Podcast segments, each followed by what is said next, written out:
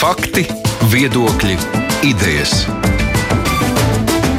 Raidījums Krustpunktā ar izpratni par būtisko. Studijā Haidis Tomsons. Tā gadās, ja neklausās Latvijas radio viens. Twitterī uzrakstīja Kristaps Klauss, kad es, reaģējot uz vienu tvītu, jautāju, kāpēc tik ļoti ir kāpušas koku materiāla cenas. Atzinos, ka neesmu ļoti sekojis jautājumam līdzi, bet nu, vairāk cilvēki man norādīja uz strauji pieaugušajām būvniecības izmaksām, kā skaidroja viens no būvniekiem. Viņiem nepieciešamo koku materiālu cenas esot dubultojušās. Pēc aicinājuma klausīties radio, tad es arī ar interesi izlasīju, noklausījos, ko man kolēģi ir noskaidrojuši.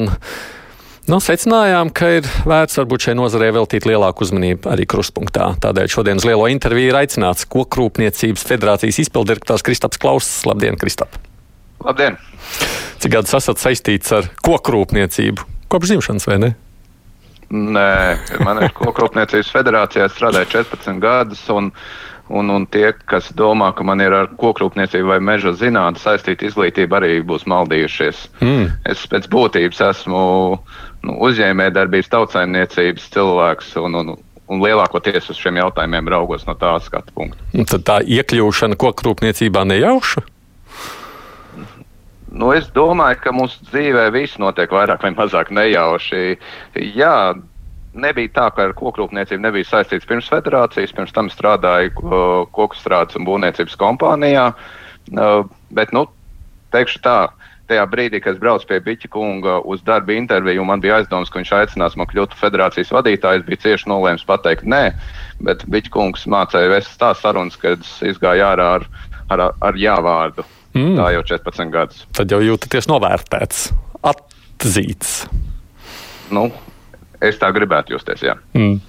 À, bet tieši kāpēc tāda interese tomēr ir par to jomu? Jo nu, tālāk, 14 gadi, tas nozīmē, nav arī aiziet prom. O, nu kā, nu, kokrūpniecība ir lielākā Latvijas apstrādes rūpniecība. Un viņā man arī lielā mērā simpatizē tas, ka, ja salīdzinu piemēram ar banku sistēmu vai ar, ar dažām citām apstrādes rūpniecībām, šeit to vadošo toni vai to stratēģiju, kā mums būt un kā mums attīstīties, tomēr nosaka vietējie, vietējais kapitāls. Un lielā mērā pat ārvalstu kapitālam piedarošie uzņēmumu vadītāji nereti uh, ir uh, tiesīgi un arī rīkojās kā, kā, uh, nu, kā, kā nacionālā kapitāla uh, pārstāvji un domā tieši par Latvijas interesēm. Un tas, tas ir daudz interesantāk. Katrā ziņā mums tā attīstība nav tā, ka nodiktē, nezinu, amerikāņu, vācieši vai briti, kā nu būs, un mēs kā, kā feudālis un pavalsts kaut ko pildīt tieši otrādi, ejam savu neatkarīgo ceļu, un tas ir izaicinoši. Plus, otra lieta, ko man darba devēja, man ir vienmēr ļāvuši, kā saka, profesionālie hobiji. Un tie profesionālie hobiji skatīties plašāk nekā nu, tikai kokrūpniecība. Jau vairāk kā 11 gadus, jau liekas, 11, 12 gadus esmu Tirzniecības rūpniecības kamerā, lielāko no tā laika kā viceprezidents. Uh, esmu uh, nesaistīta ar politiku. Tādā izpratnē neesmu nekad bijis viens politiskās partijas biedrs, un diez vai tuvākā laikā arī kļūšu. Bet esmu bijis pie dažādu partiju ministriem par padomnieku. Arī, nu, piemēram, man laikam pagājušajā nedēļā vai aizpagājušajā nedēļā atlaida no ekonomikas ministrijas, eh, ņemot vērā, ka ministrs zaudēja šo posteni. Uh, un tas ļauj paplašināt to redzes loku. Tā kā reizē ir kā kokrupnieks, bet reizē arī tas, kā esmu bijis, bijis klāt gan nodokļu reformai, gan arī šobrīd Covid atbalsta sistēmām. Ļoti interesants darbs. Nu, mēs gan runāsim par vienu, gan runāsim šodien par otru, par abām lietām. Vairāk, protams, sākotnēji vismaz par kokrūpniecību. Jūs teiktais par to, ka lielā mērā mēs paši esam noteikuši to, kā mēs rīkojamies šeit Latvijā, runājot par šo meža nozari, kokrūpniecības nozari. Šie cenu zigzagi, kas tagad ir notikuši šajā laikā, tie arī ir Latvijā noteikti, vai tomēr nē? nē? Tie tomēr ir nē. Cenu ziņā lielākoties, ja mēs runājam par uh, apstrādes rūpniecības produktu, mēs esam kā valsts esam cenu ņēmēji tā saucamie. Uh, proti mums uh, noduktē globālie tirgi. Ja mēs nereiķinātu malku iekšā vai kurināmo koksni un ar gala produktu, gala tirgiem uh, saprastu, nevis, ka, piemēram, zāģētā pārdeva dēlu mēbeļniekam, bet saprotam to, ka mēs pārdošam kādam gala lietotājam, vienalga būvniekam vai, vai, vai eksportējuši šo produktu un zaudējuši it kā Latvijā šo, šo teikšanu no, no, no mūsu rūpniecības skatu punkta, tad uh, apmēram 90-95% no visiem mūsu gala produktiem, kā jau minēju, neskaitot malku, tiek eksportēti. Mēs faktiski esam ļoti, ļoti eksporta orientēta nozare. Un loģiski, visi tie zigzagi, kas notiek, viņi ir saistīti ar, ar, ar, ar, ar notikumiem pasaules tirgos, bet tie zigzagi jau arī ir, kur jau tas izaicinājums ir. Tā ķēde jau ir gara, sākot no, no meža strādes, beidzot ar mēbeļu ražotājiem, koku māju ražotājiem. Ja, piemēram, pieminētajās dēļu tirgos profesionāli viņas būs jāatrod zāģi materiāli, bet es zinu, ka nereti cilvēks zāģi materiālu domā, ka ir tas pats vienādības zīme ar zāģbaļķi, kas ir divi dažādi. Viens ir apaļš, otrs kantēns. Mm. Bet, nu, vai saukšu viņu neprofesionāli par dēļiem, ja runā par dēļu tirgiem, tad uh, tur zigzaga tiešām ir pat, pat uh, Eiropā apmēram 100% nostaigājis. Ja mēs runājam par ASV, tad uh, pat vienu brīdi bija vairāk kā trīs reizes nostaigājis. Viņiem ir uh, viena gada laikā, uh, ja tā uh, viņu mērvienībās runājot, jo viņi, kā, mēs zinām, uzskaita savādāk uh, tilpums.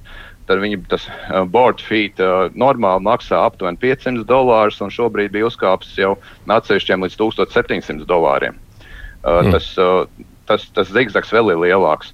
Savukārt, piemēram, ja par mēbelēm mēs runājam, koku mēbelēm, tad tas uh, zigzags ir tā kā, nezinu, metāla zāģītim, tas zāģis zobs ļoti, ļoti cīciņš, jo, jo tur ir tas kāpums, nu, pat neli, uh, neparasti liels šogad daudz kur panākts, un tas neparasti liels ir plus 5, plus 8%. Bet nu, tādā ziņā tālāk apstrādē šobrīd ir diezgan nepateicīga situācija. Viņu izaiņu materiāls ir kāpis. Tātad dēļu cenas ir kāpušas gandrīz dubultā, savukārt Jā. mēbeli jāpārdod par to pašu cenu. Jā, un kas noved nereti līdz tam, ka, ka tu labākā gadījumā spēj nosakt izējuma materiāla cenas un, un varbūt darba spēku, bet jau vairs nevar ierēķināt ne amortizāciju un nerunāsim par peļņu. Bet, lai, lai saprastu, tas nav jaunais normālais. Tas ir burbulis, un šobrīd uh, mēs paši īsti neizprotam, kad viņš plīsīs. Bet viņš plīsīs. Burbulis tieši dēļu tirgu lietošas ar šo jā, pašu vārdu dēļus. Jā, burbulis dēļu tirgus. Jā, drīkst. Ne tikai arī, arī plātņu tirgos. Arī plātņu tirgos. Vispār kopumā skatoties, sākam no paša sākuma. Un baļķi paši tajā brīdī, kad viņi nozāģētu un aizvest līdz koku materiālu, kokzāģētavai. Tur, tur arī burbulis, bet tur ir tā, arī tas izaicinājums tas pats, kas ar dēļiem. Nu, kad mēs raugamies uz koku, meža īpašnieks jau ir pārdot koku kā tādus, nu, kur viņam ir apakšējais stumbrs, resnais, kvalitīvais un viņam ir galotne. Un, un, un, ja mēs raugamies uz šo visu koku stumbru, tad tā situācija ir tāda, ka skujkoka zāģbaļķim cena ir ļoti augsta. Šobrīd mēs runājam par trīsparu cenām. Uh, savukārt, ja mēs runājam par galotni, uh, skujkokam ir tīpaši, tad uh, šo papīra malkus un malku sortimentu ir pat grūti realizēt, un tās cenas, par ko realizē, ir ļoti zemas. Uh, stingri virs uh, zem vidējā, kā parasti tas ir bijis. No tāda viedokļa raugoties uz šo vienu stumbru, meža īpašnieks uh, ir vinnējis, bet ne tik traki, kā, kā varbūt dēļtirgos tas ir. Ja mēs runājam par lapkoku, tur tas kāpums gan ir krietni vēl mazāks. Um, piemēram, bērza saplākšana tirgi nav tik traģiski nostaigājuši, un arī bērza saplāksnim, bērza finieru klucim šobrīd nav tāda cenu kāpuma. Drīzāk viņiem pat ir pret pagājušo gadu nogali kritumi. Un, un tā, no tāda viedokļa meža īpašniekam šie nav mega lielie peļņas lauki. Tātad ja iegu, pa... ieguvēji ir tie, kuriem pieder priede vai egla, tie šobrīd jā. jau izcērt, viņi jā. ir ieguvēji. Jā, tiem, kam ir labas uh, skujkoku uh, cirsmas, šobrīd viņi, nu, jā, viņi, ja tā vidēji varbūt normālos laikos viņi maksātu hektārā no nu, aptuveni 15,000 eiro, tad šobrīd viņi var dabūt jau vairāk kā 20,000 eiro par hektāru. Un tad savukārt tā, tomēr to saucat par burbuli. Jā. Sakot, jā. ka tam vajadzētu krist atpakaļ. Jā, tas nav, tas nav loģiski šīs cenas, kādas viņas šobrīd ir. Kāpēc? Viņas ir viņā ļoti daudz dažādu sakritību dēļ, un to, ko es gribu uzreiz pateikt, tas nav tikai vienīgi kokā. Tas pats ir metālā, tas pats ir uh, plastmasā, tas ir ļoti daudzos uh, Es viņus nosaukšu par pirmapstrādes produktiem. Proti, produkti, kas ir uh, tieši pārstrādāti no, no, no, no kaut kādas jēlākas izēvielas. Uh, un tālāk apstrādes produktiem es vairāk uzsveru tos, ka, piemēram, dēļ, dēļ ir pirmapstrādes produkti, mēbeli ir tālāk apstrādes produkts. Un līdzīgi tā uh, arī ja mēs runātu par, par metālu vai par plasmas.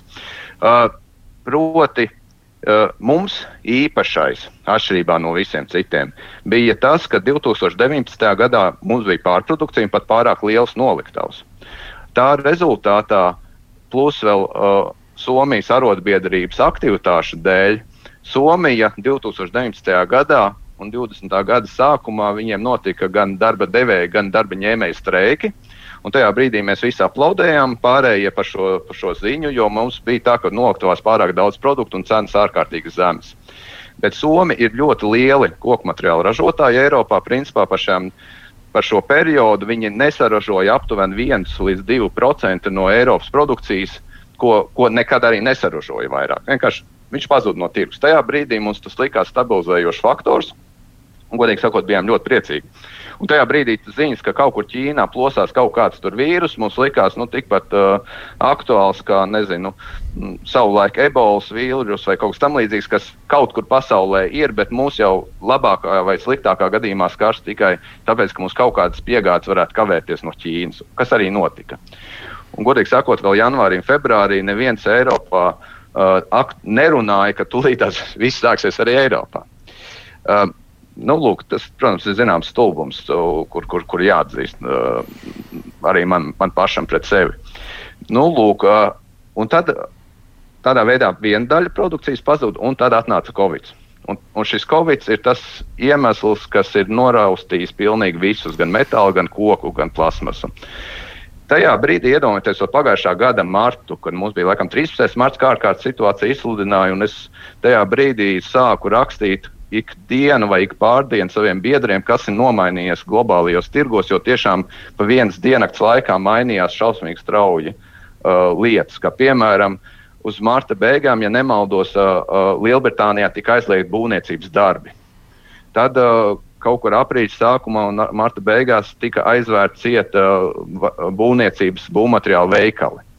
Un visas šīs lietas, iedomājieties tā brīža uh, ražotāja sajūtu un pircēja sajūtu, uh, Uh, principā neviens nezināja, un panika bija liela, un nezināja, cik ilgi tas ilgs.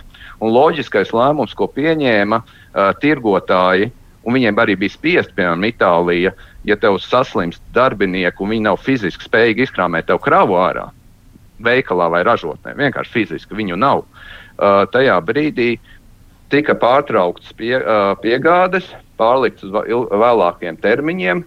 Uh, ļoti nokritās arī īstermiņā šīs cenas. Apmēram, ja tu gribi, tad vedi, bet nu, reiķinies, ka divreiz mazāk nopelnīs. Nu, un, un, un tas, nu, tas, kā jau saka, tas uh, haoss, kas sāka valdīt, bija pietiekami liels un tika pieņemts tajā brīdī ārkārtīgi loģisks lēmums, ka rūpnieki piebremzēja ražošanu. Piemēram, Zviedri pat aprīlī lielā mērā nestrādāja viņiem zāģētājus. Uh, tika pieņemts lēmums neražojam, jo mēs izskatās, ka patēriņš kritīsies. Uh, Un atkal raugoties no šodienas skatu punkta, atkal tā bija milzīga kļūda, jo notika divas lietas. Pirmā lieta, jā, oficiālie lielie vairumtirdzniecības veikali tika aizslēgti. Savukārt mazās piparbodes, kurām bija interneta mājaslapas, jāatzīmē, mūsu nozarē parasti viņas ir tādas nu, bērnu autiņos vai nekādas, bet viņas strādāja Plus cilvēki pēkšņi tika nosēdināti mājās. Ja nemaldos, Lielbritānijā tie bija pat vairāk kā puse strādājošo pēkšņi tika nosēdināti mājās ar valsts pabalstu pieklājīgu. Un viņiem pēkšņi nav ko darīt. Nauda ir, nav ko darīt. Ko viņi dara? Viņi sāk atjaunot savējās maisaimniecības, tur nomainīt nezinu, terasi, salabot žogu, jebko ko citu, uh, ko mēs arī aidi visticamāk darītu, ja mums būtu nauda un nebūtu ko darīt. Uh, nu, lūk, un, un, un šīs piparu bodas ļoti aktīvi strādāja. Viņas uzstādīja 300-400% apgrozījumus pret normālo, kamēr lielie veikali nestrādāja. Bet viņas īsti neredzēja, tirgu vai negribēja redzēt. Un, un, un, un tika pieņemts tāds vispārīgais iz, uz, iz, uzskats, ka nebūs tā patēriņa, bet viņš jau bija. Plus viņš atraunojās daudz ātrāk. Visi gaidīja, ka būvniecība, piemēram, Lielbritānijā atsāksies labākā gadījumā jūnija beigās, viņa atsākās māja vidū. Un pēkšņi mēs esam nonākuši situācijā, ka mēs neesam saražojuši produkciju, viņa nav noliktavās, bet pieprasījums ir. Un tas ir vēl joprojām tas, kas iet. Mums nav gluži tā, ka uh, būtu masveidīgs deficīts, reāls deficīts. Masveidīgs viņš nav, bet viņš, viņš ir ar, ar kavējumiem. Ja arī, piemēram, Latvijas uh, karkas māju būvētāji, ja viņi bija pieraduši aizbraukt uz, uh, uz, uz, uz mūsu koksnes būvmateriālu veikaliem, uh, laikam nedrīkst tas saukt uzņēmuma nosaukums, ja vārdā, uh, un reklamē konkrēts veikals, bet ir tāds viens ļoti labs nacionālā kapitālam piederošs veikals, kurā ir ļoti kvalitīvs materiāls, un viņi bija pieraduši aizbraukt, un apmēram kā piena pāku aizbrauca, uh, nopirka to, ko vajag, sliktākā gadījumā tuvāko divu dienu laikā tev piegādāja. Šodien viņam aizbraucot šo veikalu jāgaida trīs nedēļas. Mazai piegādēji pat mēnesi lielai piegādēji. Un tajā brīdī, ko loģiski pieņem šie tālāk apstrādātāji kādu lēmumu, ja es nevaru būt drošs, ka es varu nopirkt, es sāku veidot noliktavas pie sevīm. Un tad tu īsā laikā pat veicini dubultu pieprasījumu, ne tikai to, ko tev vajag, bet vēl tu mēģini uzkarāt. Un tādā veidā šobrīd ir absolūts hauss, nojaukt šis līdzsvars ar pieprasījumu piedāvājumu un, un, un tāds cenu līknes ir debesīs. Kā, kā ASV raksta pat savā avīzē, ka stratosfērā. Skaidrs, bet es, piemēram, dzīvoju netālu no vienas kokzāģētājs, eju katru dienu tai garām, skatos, nu, Placis taču ar materiāliem ir pilns. Tur gan baļķi, gan zāģējamā materiāla, visa kā salikts skaudzītais. Tā tad ir jau materiāls. Es jau arī saku, ka viņš ir, bet viņš ir pārdots. Viņš nav tā, ka viņam nav īpaši. Es nekad neesmu iegājis, es neesmu iegājis paprasīt, vai var nopirkt. Jā, Ak, tā, jā. Nu, jā kaut kāds pāris dēļas vienmēr varēs nopirkt, bet tajā brīdī, ja tev vajag piemēram 30 vai 100 kubikmetrus, tad tu gaidīsi 3 nedēļas vismaz. Nu jā, un tā kā ir liels pieprasījums, līdz ar to cena kāpja, vai ne? Jā, jā, un viņi ir, viņi ir tiešām viņi nav normāli. Un visi cilvēki, kuri savām vajadzībām taisījās kaut ko būvēt, es tiešām jums iesaku, šovasar to nedariet. Pagaidiet nākamo vasaru. Visticamāk, tas normalizēsies. Nu, acīm redzot, jau kādā brīdī jūs sakāt, ka sāks veidoties pārprodukcija, ja tas piedāvājums būs vairāk nekā vajadzēs, ja, ja ir uzkrāti īpaši kādiem jau. Es uzkrāti jau nav. Viss šobrīd ir pārdots uh, realitāte. Jau ir tas moments, ka arī šie vairuma tirznotāji veikali nevar. Viņi, viņi kā aizved uz, uz veikalu, tā viņiem jau no to nopērk. Ak, tā. tā iemesla dēļ te nevar teikt, ka uh, vietējā zaķē tas nepārdod, vietējai tālāk apstrādē pārdod. Vienkārši realitāte ir tāda, ka tev jau ir izķerts uz priekšu. Ar, arī, un tas nav tikai mums, kā, kā, kā zāģētavām, tas arī mums kā mēbeļniekiem ir. Mēbeļu ražotājiem šobrīd ir pasūtījumi septembrī, oktobrī. Tas ir klasika. Viņi tik gari uz priekšu pasūtījumi nav bijuši. Godīgi sakot, neatceros, kad.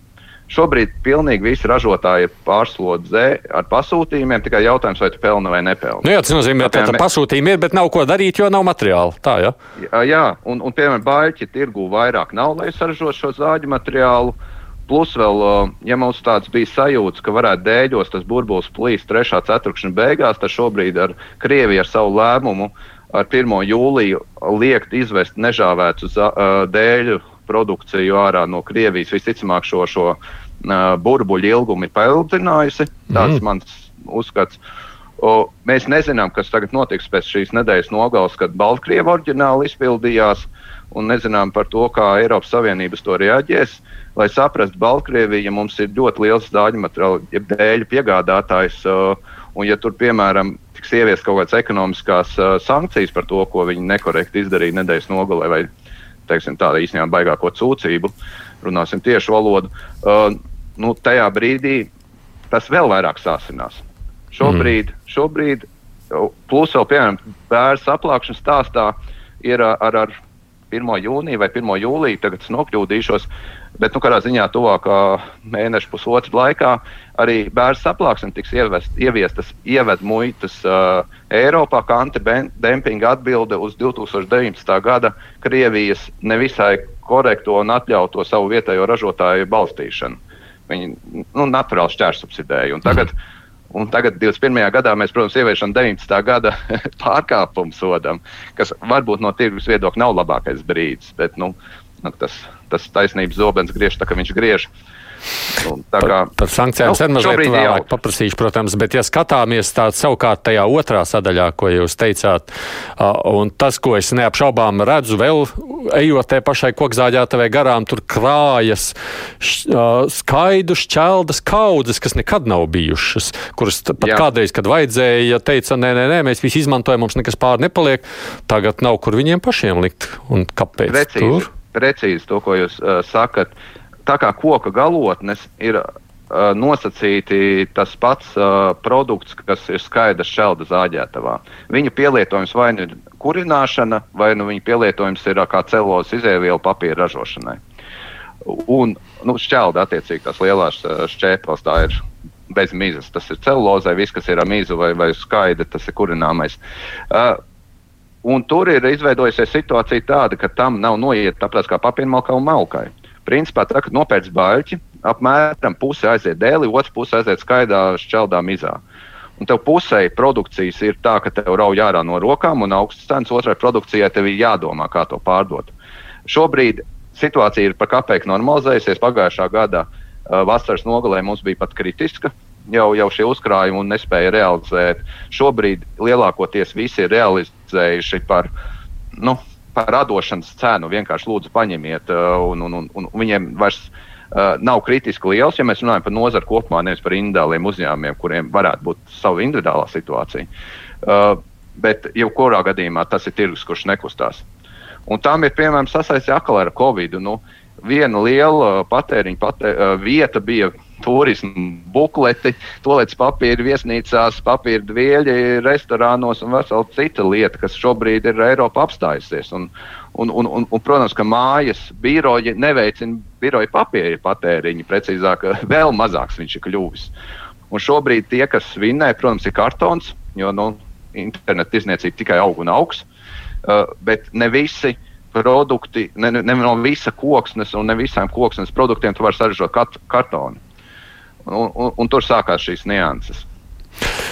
Jāpiemina vēl viena nozara šajā kontekstā, un tā ir būvniecība. Būvniecības cenas arī līdz ar to aug. Vismaz tā man apgalvo būvnieks, sakot, nu kā skaidrs, ka šo cenu viņiem jāieraksta ir būvniecības izmaksās. Vai ir bažas, un te jau es drīzāk jautāju, kā ekonomikas ekspertam mazliet, ka arī būvniecībā sāk veidoties burbulis? Nu, nu, tur būtu varbūt. Uh, Tur vajadzētu citu ekspertu. Grūti pasaukt par burbuli. Es gribētu teikt tā, ka nē, es varu atbildēt uz šo jautājumu. Mm -hmm. uh, Es ne, nevarētu nosaukt no būvnieka viedokļa, ka tas ir burbulis, jo viņam izējai materiāls ir vaiprātīgi audzis. Vienalga, vai tas būtu koks, vai cements, vai metāls. Viņam ir vienkārši audzis. Uh, vienīgais, kas Latvijā ir drusku normalizējies pēdējā gada laikā ar Covid iespējā, ir tas, ka mums darba spēkā vairs nav tik liela nervozitāte, kāda īstenībā bija jau pirms Covid, kad, kad, kad jau uh, kad atkal darbs spēks jau diktēja savus noteikumus un darbdevējiem vai vienkārši viņi jāpieņem. Šobrīd nu, Covid ir ieviesis savas korekcijas. Bet uh, visā pārējā izmaksas ir augušas, un atkal mēs, ja raugamies, uh, kā reaģē pasaulē, piemēram, metālam uh, ir uh, pēdējās nedēļas laikā kritusies gan uh, varam, gan alumīnijam apmēram pa vienu līdz 2% cena. Tas, protams, ir smieklīgi, ja mēs raugamies, ka gadu laikā viņi ir uzaugusi par 40-50%. Ja? Bet, eh, bet par 1-2% kritusies, un tā ir atbilde uz divām lietām. Viena uh, drīzāk psiholoģiska, ka Ķīnas uh, viena no komisijām, kompartijas komisijām, ir pakratījusi pirkstu pret lielajiem izēvielu ražotājiem, pateikusi, ka tā nu gluži nav smuki, ka tās cenas tikai auga debesīs. Uh, U, bet es domāju, ka tam ir mazāks efekts. Lielāks efekts ir tas, ka ASV šobrīd pieņēma uh, samazināt un iesaldēt veselu rindu, rindu telekomunikāciju un infrastruktūras projektus. Un tādā veidā izskatās, ka varētu būt patēriņa kritumi.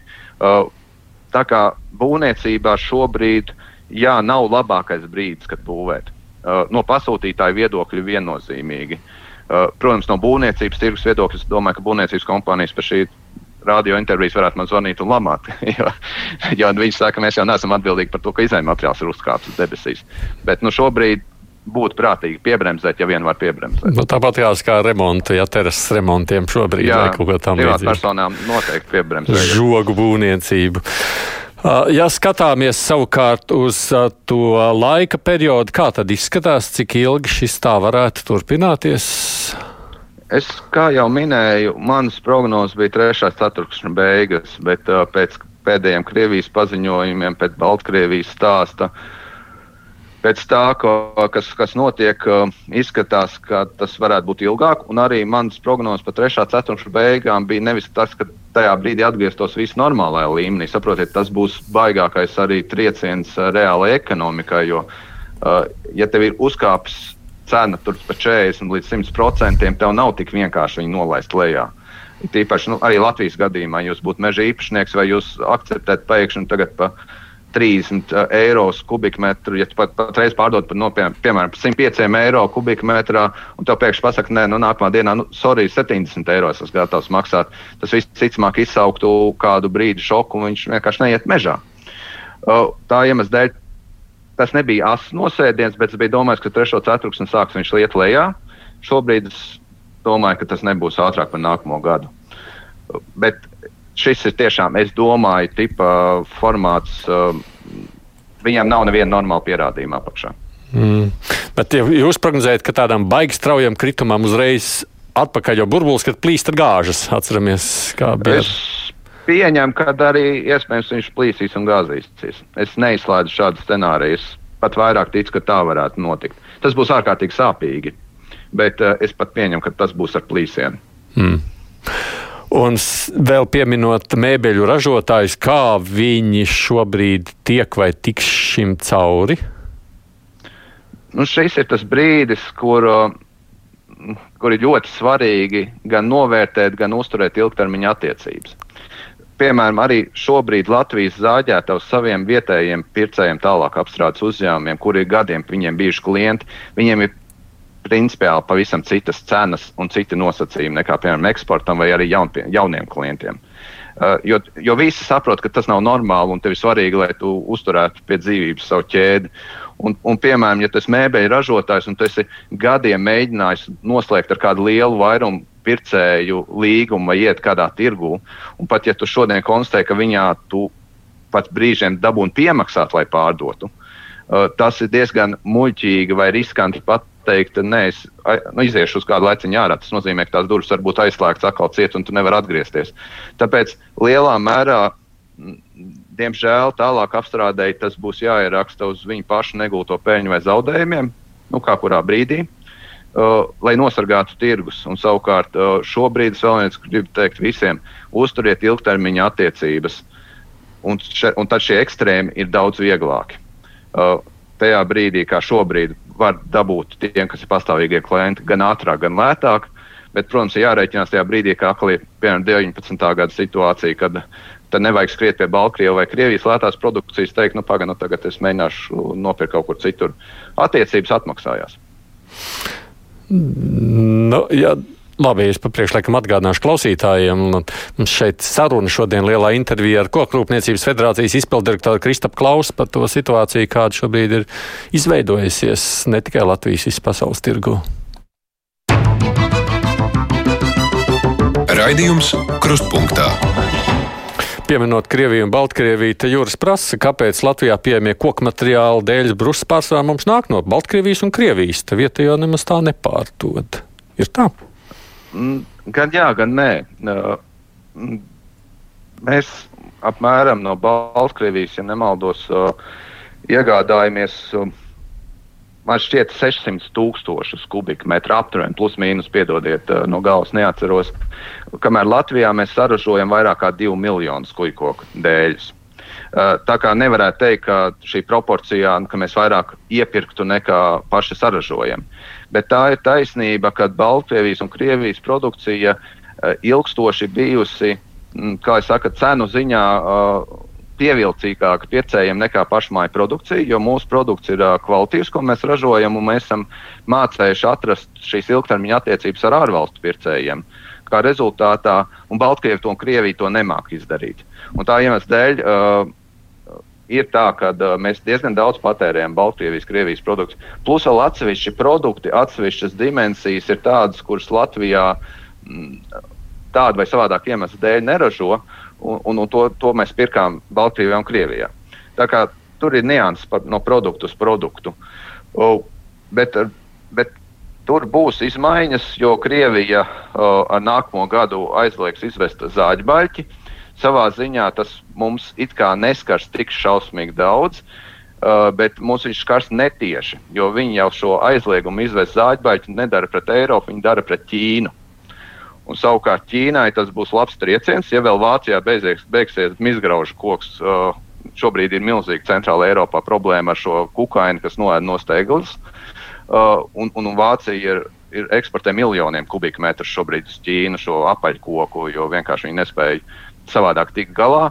Uh, tikko tas beigsies, plus vēl Krievija, kas ir viens no lielākajiem piegādātājiem Ķīnai, tieši apaļkoku ziņā, uh, būs ļoti liels spiediens uz Eiropu. Un atkal tās cenas viņas turēsies augstas. Un, godīgi sakot, tā ir absolūti negodīga konkurence, jo Ķīnā gan objektīvi standarti ražošanai zemāk, viņiem nav jāievēro ne vidas, ne darba drošības, ne vispārējie standarti, daudz kā Eiropiešiem, un attiecīgi viņiem ražošana lētāk, gan arī viņiem ir, mēs ne, nevaram nekādu pierādīt, bet, nu, kā jau saka, muguras smadzenēm mēs esam pārliecināti, ka viņiem ir šķērs subsīdijas valsts, kas, kas, kas vienkārši padara viņus ļoti konkurētspējīgus baļķu pirkšanā. Tas arī ir iemesls, ka viens no lielākajiem baļķu uh, importētājiem no Latvijas nav, piemēram, mūsu brāļi, Igauni vai nezinu, uh, kāda cita Eiropas valsts, jā, Ķīna. Mm. Mēs sakrāmējam konteinerā, dārgajā konteinerā, mēs sakrāmējam baļķi un vedam uz Ķīnu. Nu, tas ir ārprāts, nu, tas ir idiotisms, atvainojos. Hmm. Reiz mēs pieminam Baltkrieviju, protams, šis ir personisks jautājums. Nosaucāt to par sūdzību, to, kas notika nedēļas nogalē, un mēs viņu varētu devēt visādos vārtos. Bet šis vienmēr bijis tāds grūtās izšķiršanās jautājums. Finansiāli izdevīgāk ir draudzēties, nevis ieviest sankcijas. Tajā pašā laikā tas, kas notiek Baltkrievijā un mūsu kaimiņu valstīs, daudziem no mums liek uh, saķert galvu. Esat par sankciju ieviešanu, kaut arī tas mums pašiem maksā dārgi? Es neatbildēšu šo jautājumu, jo, jo man tomēr ir. Es varu teikt, tā, ka tajā brīdī, kad bija masveidīgi protesti, mēs zinām, ka mūsu kolēģi Baltkrievijā, kas strādāja gan privātā sektorā, gan valsts sektorā, viņi aktīvi viņās piedalījās un mums sāka piegādes kavēties dēļ tā, ka reāli ražotnes vadītājs nezināja, cik pirmdien viņam atnāks darbinieki atpakaļ uz darbu un cik būs pazuduši šajos visos uh, apcietināšanas reidos. Uh, es cilvēciski, kā Kristaps Klauss, es uzskatu, ka mums ir jāatbild. Mums ir jāuzņemās. Jautājums ir tas, kādā veidā to darīt tā, lai necieš vienkāršā tauta. Kokrūpniecība uh, Baltkrievijā tomēr ir apmēram puses puse pusi tur tie ļeshozi, kas ir nu, pastartināti valstī piedarošie, no otras puses tur privātais sektors. Uh, ja mēs mācētu atrast veidu, kā ietekmēt uh, valsts oficiālo politiku, bet neietekmēt tos, kuri patiesībā grib redzēt pārmaiņas un ne, nesodīt tos, kas grib redzēt pārmaiņas, tad tas būtu ideāli. Tikai es nezinu, kā to izdarīt. Mm. Ja drīkst, es šobrīd runāju, tāpēc arī hipotētiski.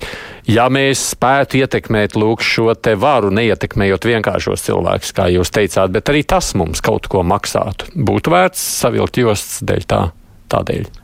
Es uzskatu, ka jā, un, un šis ir atkal mans personīgā nostāja, nevis varbūt manā amata nostāja, jo mēs bijām līdzīgā situācijā pirms 30 gadiem. Un, un, un, un, Un es, ne, es uzskatu, ka līdzīgi kā Ukraiņas gadījumā, kurš pat oficiāli iestājos, jo Ukraiņa arī ieviesa baļķa aizliegumu pārkāpjot starptautiskos uh, noteikumus. Un tajā brīdī, kad pacēlās mūsu profesionālās Eiropas, Briseles līmeņa organizācijās, šis jautājums ir skaidri pauda viedokli, ka mēs nedrīkstam sodīt Ukrainu vai pārmest Ukrainai, ka viņai pārkāpjot visus starptautiskos līgumus un, un tiesības, viņu valstī ir iebrukusi agresors. Uh, un, un viņi mēģina kaut kā glābt savu ekonomiku vai pacelt, lai viņi varētu karot. Vai, vai atcerēt savu neatkarību, un tajā brīdī mēs viņus sākam bārt par kādiem instrumentiem viņi to dara. Man liekas, tas nav korekti. Manuprāt, mums uh, ir brīži, ka mums uh, svarīgāk ir uh, citas vērtības nekā nauda, un šis ir noteikti tas brīdis. Dažus klausītāju jautājumus ielūkošu. Arnolds raksta šādi. Es pieļauju, ka tie arī mums raksturo kaut kādu priekšstatu par nozari, tāpēc varbūt ir svarīgi nolasīt. Diemžēl izēvielu iegūmu par kokrūpniecību ir grūti saukt, jo pievienotā vērtība liecina, ka Latvija ir izēvielu piedēklis, kas koksni masveidā piegādā par sviestmaizi.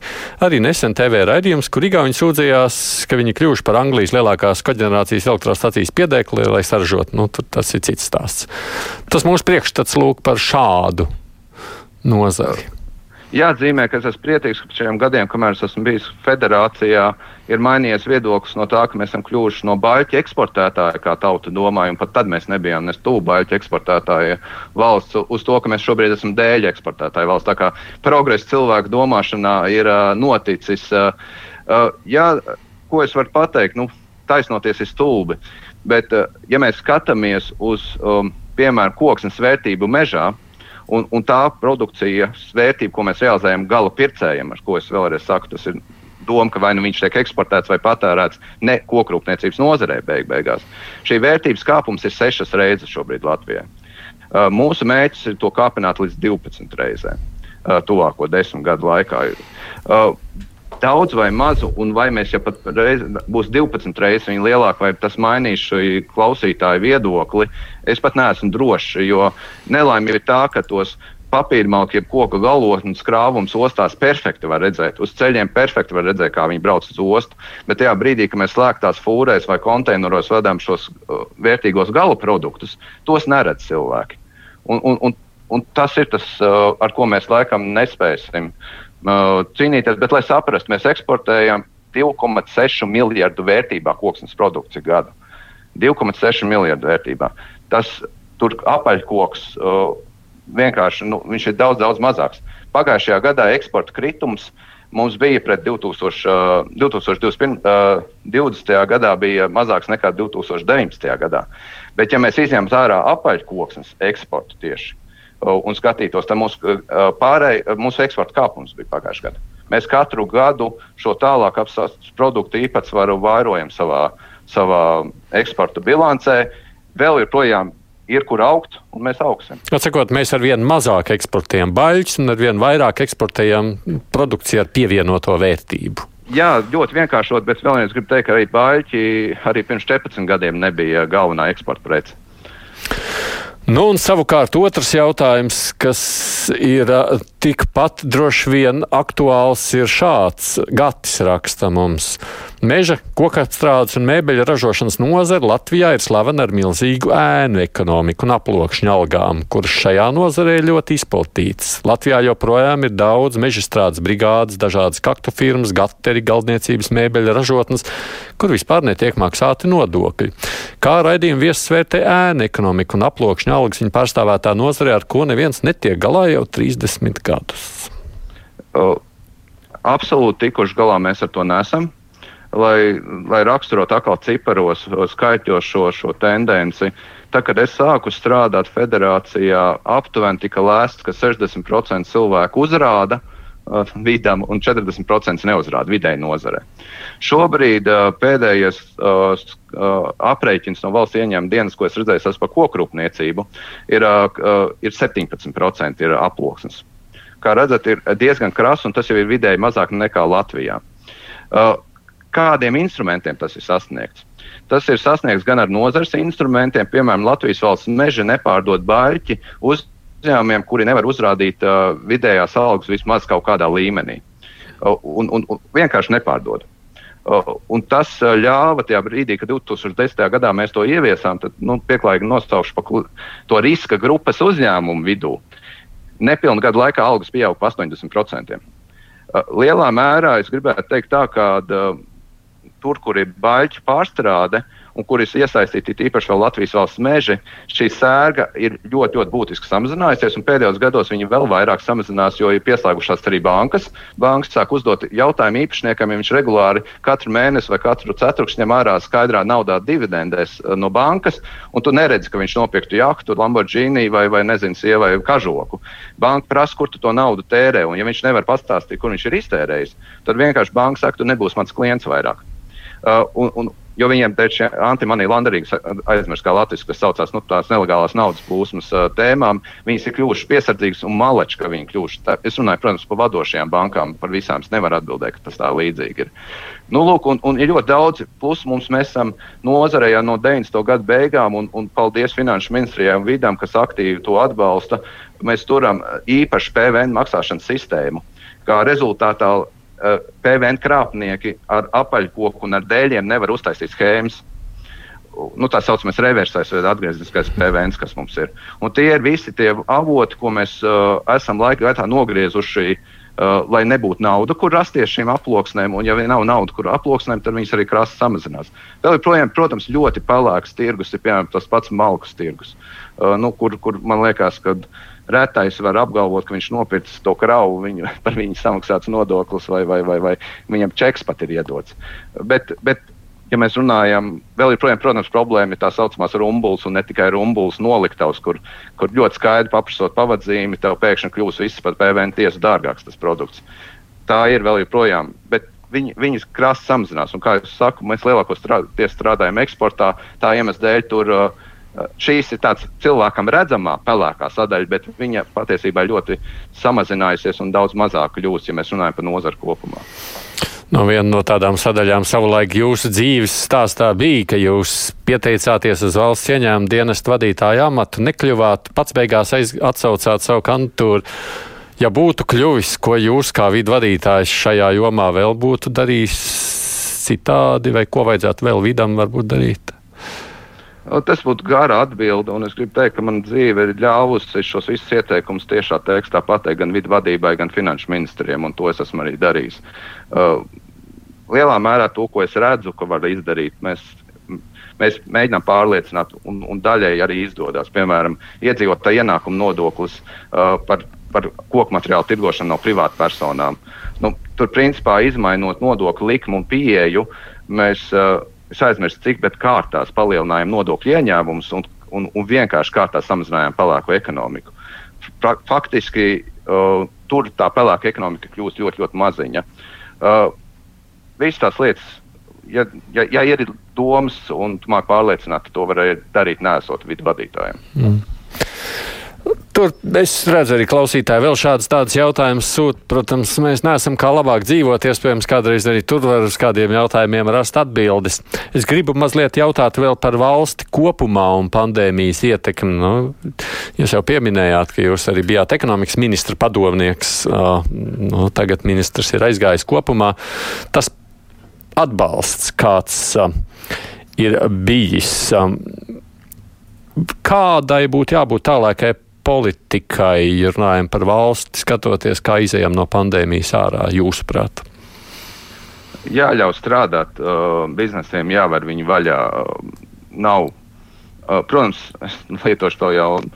To, atvainojiet, nodrās to terminu epidemioloģiski drošā veidā. Ja? Nu, to, tas ir jāpiemina, bet jālaiž vaļā. Jo, jo principā cilvēkus tu vari miera stāvoklī vai sasniegumā turēt mēnesi, divus, trīs, ne ilgāk. Un šobrīd arī teorētiski viss, kas ir aizliegts, viņš jau kustās tikai pelēkajā zonā. Uh, un tas ir muļķīgi, tā tam nevajadzētu būt. Un tajā brīdī, ja tu ļaus strādāt, izvirzot nosacījumus, kā, tajā brīdī ar šiem atbalsta uh, mehānismiem ir jābeidzās. Viņiem nav es domāju, ka viņiem ir jābeidzās ar to jūnija beigām, ar mhm. nosacījumu, ka biznesiem ļaus strādāt. Eh, viņi šobrīd cilvēki pirmajā brīdī izmantoja tam, kam bija mērķis, bet latvieši ir ar bagātu izdomu. Šobrīd tik daudz neētiskas un iespējams pat krāpnieciskas schēmas ir apakšā viņiem uzbūvēts. Gan no privātpersonu puses, gan no biznesa puses, ka eh, es neredzu vajadzību kropļot šo tirgu gan no aizlieguma strādāt, gan no uh, vai, nu, šī atbalsta sistēmas. Tāds bija arī īstenībā mans padoms arī ministram. Mm. Runājot par vienu lietu, ko valdībā ir lemts un par ko es priests, ka tad, kad pandēmija beigsies, tad nu, tas atbalsts, lai vispār varētu vairāk atgriezties un konkurētspējīgāk atgriezties tirgu, uh, Latvija būtu jāveicina, jeb jāsniedz lielāks atbalsts eksportam. Uh, tas ir runa arī par taču, vien kokrūpniecības nozaru tādā pašā veidā. Kādam tam atbalstam būtu jābūt? Mūsu eksports rūts visās nozarēs viņš rūt. Nav vajadzīgs specifisks atbilsts. Ja? Mm. Es, ne, neredzu. es domāju, ka mums Latvijai vairs nav uh, daudz vairāk jākoncentrējas uz mūsu iekšpolitikas jautājumiem. Šobrīd uh, uh, es Vācijas terminā nosaukšu. Manuprāt, pieklājīgā veidā, bet mums ar vien vairāk sāk rasties tā saucamā arbūza politika un arbūza politiķi, proti, ārēji zaļi, iekšēji sarkani. Uh, nu, piemēram, uh, meža īpašniekiem šobrīd draud uh, ka viņiem ir natūras teritorijā aizliegums cirst. Līdz šim tas uh, jau ir mazs kompensācijas, 160 eiro gadā Uh, bet viņi taisās pēc pāris gadiem iespējams samazināt līdz 45 eiro gadā. Un tā, nu, klausītāji, iedomājieties, ka jums atņemtu dzīvokli, piemēram, reģionos 20,000 eiro dzīvoklis, piemēram, jums pieder. Jums vienkārši atņemt un pateikt, mēs jums sāksim maksāt 45 eiro gadā kompensāciju par to, ka mēs atņēmām dzīvokli un tur iemitinājām nezinu ko kādā vārdā. Nu, lūk, Un, tas, un tajā pašā laikā, lai saprastu kopumā no turas teritorijām no apmēram 20 miljoniem eiro, ko ko tajā periodā patērēja šīm kompensācijām, viņi taisās samazināt līdz nepilniem 12 miljoniem. Vēl nav gala lēmums. Un tikmēr tiek paralēli uztaisīts Eiropas projekts, kura kopīgā vērtība uz astoņiem gadiem ir 20 miljoni, un kuriem Eiropas nauda ir uh, vairums, bet ir arī nacionālais finansējums, tā skaitā valsts budžets, kurā domās, kā radīt vislabāko, efektīvāko schēmu šīm kompensācijām dabas aizsardzībai. Mēs pļurgājam naudu dokumentiem un skaistām lietām un kavējam laiku, bet reāli cilvēkiem atņemam īpašums vai iespējas nopelnīt. Un tas ir tas, kas man šobrīd visvairāk baida, ka ne tikai dabas aizsardzībā, bet daudz kur šis arbūzs politika mums sāk izpausties. Arvien mazāk mēs saprotam likumsakarības, kā nauda tiek nopelnīta. Mēs arvien vairāk sākam nodarboties ar pār, pārdauli un, un, un negodīgu pārdauli. Tas, kas man uztrauc vairāk par jebkādiem atbalstiem eksportam un visam pārējiem. Mm. Jo uzņēmējiem, ja ir kārta stabila iekšējā vide, un viņiem nav draudz pēkšņi, piemēram, mēs varam tiešām reālā scenārijas pastāv, kad pie neapdomīgas arbūza politikas tuvākajos gados mums samazinās resursu pieejamība par 40% Latvijā. Un, un tas automātiski samazinās uh, visu, ko mēs darām. Un, un tā liekas, varbūt no Rīgas viedokļa, kur mēs veidojam, nezinu, kā, kā nozara, tur 1% no IKP Rīgas. Nu, nu, mēs Rīgai, neskatoties to, ka mēs esam nozīmīgs, mēs esam mazs spēlētājs. Bet, piemēram, vidzemē katrs ceturtais vai katrs piektais privātā sektorā strādājušais strādā meža nozarē. Un tajā brīdī, kad tu aizver katru ceturto vai katru piekto vietu, es drusku pārspīlēju, protams. Tajā brīdī mēs piedzīvosim lielu reģionālu traģēdiju. Un tas ir tas, kas ir daudz svarīgāk nekā runāt par atbalsta schēmām, jo uzņēmējiem tomēr ir jāmāk strādāt bez atbalstiem, bet viņam jānodrošina stabila vide. Es šo tēmu varētu mazliet izvērst, bet ne, laikam šajā reizē tā varētu būt viens atsevišķs diskusijas tēma.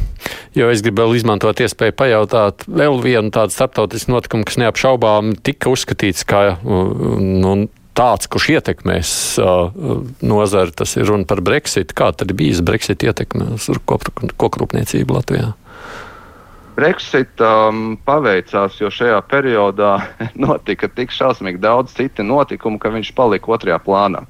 Uh, un, un mums novērtēt Brexitu ir šausmīgi grūti, jo vienā brīdī Vācijā, Čehijā izgrauzis, nojauts tirgus, citā brīdī Covid, uh, tagad ir uh, burbulis koku materiālu tirgos. Uh, Kopumā mēs redzam, ka Lielbritānijā nav pasīkums nekādai tautsājumniecības izaugsmē. Tieši otrādi, ja prognozēja, ka būs 5% būvniecības kāpums tajā uh, privāto māju būvniecības sektorā, kas mums interesē tieši, ir izrādās būs 12% plus mīnus kāpums. Viņiem viss rūts, viss notiek.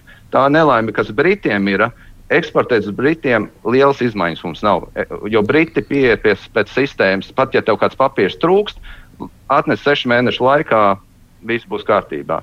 Britiem ir šausmīgi sāpīgi šobrīd eksportēt uz Eiropu, jo Eiropieši, ja kaut vienā vietā trūks parakstīns vai zīmoks, pilnīgi vienalga, vai tā ir pūstoša vai nepūstoša prece, tu sēdēsi tajā muitā un neatmuitos, kamēr tev nebūs viss dokumenti kārtībā. Es domāju, ka Britiem šobrīd ir vienkārši vaiprātīgs šoks uh, par tirsniecības partneri Eiropas Savienību. Bet nu, tas mūsu, kā Latvijas, diez vai skar vai ne? Mūsu gadījumā jā, tas neskar, jo, tas neskar mūs kā koku rūpniekus. Es, es, tur jums bites kungam ir jāprasa no, no, no zivju konzervu biznesa, kā, kā viņam šobrīd ir iegādāties zivis. Es, es nezinu, vai viņam ir viegli vai grūti. Es pieņemu, ka tur ir pietiekami daudz jautrības.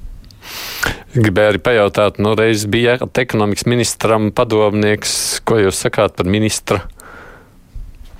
Nezinu, kā lai to tagad nosauc. Demisija mājiņas, nezinu vēl, kas tur mainīsies.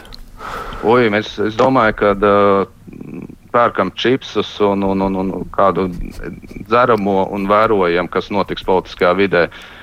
Pirms vēlēšanām, visticamāk, pirms 5. jūnija, nebūs pār, būs daudz ļoti māņu, kustības daudzas, bet īstā spēle atklāsies pēc 5. jūnija. Tā ir mana prognoze. Kā viņi beigsies, man liekas, tas ir līdzīgi kā ar Latviju, Kazahstānu, Bulīšu sitot. Mēs nezinājām, kā beigsies spēle. No, nu, un ministrs, kā Vitenders, kā ministrs, bija labs ministrs, jūsuprāt? Es gribētu teikt tā, ka. Kā, Es, es teikšu to, ko Paškots viņam acīs pateica. Es nekad mūžā nebiju gaidījis, ka KPV ministrs var kļūt par vienu no jēdzīgākajiem valdības ministriem. Un, un tā viņa priekšrocība bija tajā, ka viņš neizlikās vai netēloja, vai viņam nebija ambīcijas darīt vairāk nekā viņš prot vai māk. Viņš bija izveidojis spēcīgu komandu, kas mācīja darīt darbu, un viņš paļāvās to komandu. Un, un, un, un kopumā būsim godīgi. Nu, piemēram, manā nozares stāstā mēs gadiem mocījāmies ar tēmu, ka uh, šīs slimības lapas ir netaisnīgi garš termiņš, kas jāmaksā darba devējiem. Jā, tikai uz uz elpoceļu slimībām, rudens, uh, ziemas uh, sadaļā tas attiecās, bet mums samazināja dēļ Covid. Ja mēs skatāmies uz koksnes būvniecību, tur ir ļoti daudz ministru, ļoti daudz ko arī pozitīvi darījuši, sākot jau ar kaut ko ar Ašrādenu kungu. Uh, bet, piemēram, koksnes būvniecības veicināšanas memorandu mēs tieši parakstījām Vitsenberga kunga laikā. Es gribētu teikt, ka mūsu kā meža nozarei uh, viņa ministrēšanas laiks bija sekmīgs. Viņš jūs padomos ieklausījās. Tātad. Jā, daļā, jā, daļā nē, kā, kā jebkurš ministrs, kuram mm. es jebkad esmu devis padomus. Mm. Jūs, bijāt, jūs sev uzskatāt, ka jūs bijāt viens no viņa daļas, nu, tā kā komandas sastāvdaļas? Jā, jā tā es uzskatu. Mm. Es biju ārstēt padomnieks, lai saprastu, tas nozīmē, ka es algu par to nesaņēmu un pilnu daļu slodzi. Es tur nesēdēju ministrijā, man ministrijā nebija darba galds un, un, un, un, un vispārējais. Es uh, biju pamatdarbā, bet tie temati, kā piemēram, ka vienu momentu uh, tika nostopēts gan arī ārējā tirzniecība, jo sāka prasīt Covid testus tālbraucēju šoferiem Latvijā uz robežas, vai arī pēkšņi rūpniecības uzņēmums gribēja slēgt dēļ Covid, atcerieties, D plus plānu. Un tajā brīdī, protams, ka tika ieslēgts uh, pilnīgi viss, jo tas bija tādas ekonomiskās kļūdas, ko viņas, uh, cik dārgi viņas mums maksātu, ja viņas pēkšņi būtu realizētas uh, teorētiski skaistām lietām. Uh, es nezinu, kā mēs nomaksātu to rēķinu. Jūs priecātos, ka viņš atgrieztos atpakaļ ministrijas vadībā? Nu, šobrīd viņš ir iestrādājies. Un šobrīd savā ziņā Gerhards kungs ir pieņēmis ārkārtīgi politiski riskantu un visticamāk, es pat brīnos, kā nav uzsprāguši viņa pārējie politiskās partijas, bet pieņemot Vitsenbergu fungu par parlamentāro sekretāru, savā ziņā ļaujot realizēt, uh, viņam turpināt šo darbu veikt. Uh, nu, tas ir uh, politiski gan interesanti, gan, gan, gan uh, uh, es domāju, ka saprātīgs lēmums. Bet es vēlamies, es, ne, es teiktu, tā pērkam kaut kādu aliņu vai čips un vērojam politiku. Tur neviens mēs nezinām, kā beigsies. Kokrūpniecības federācijas izpildirektors Kristaps Klauss bija šodien krustpunktā lielās intervijas viesis. Paldies par atsaucību un iesaistīšanos raidījumā. Paldies, ka uzaicinājāt. Tā mūsu raidījums šodien līdz ar to izskan. Krustpunktā producenti Devi Junām un studijā raidījumu vadīju es Aidis Tomsons.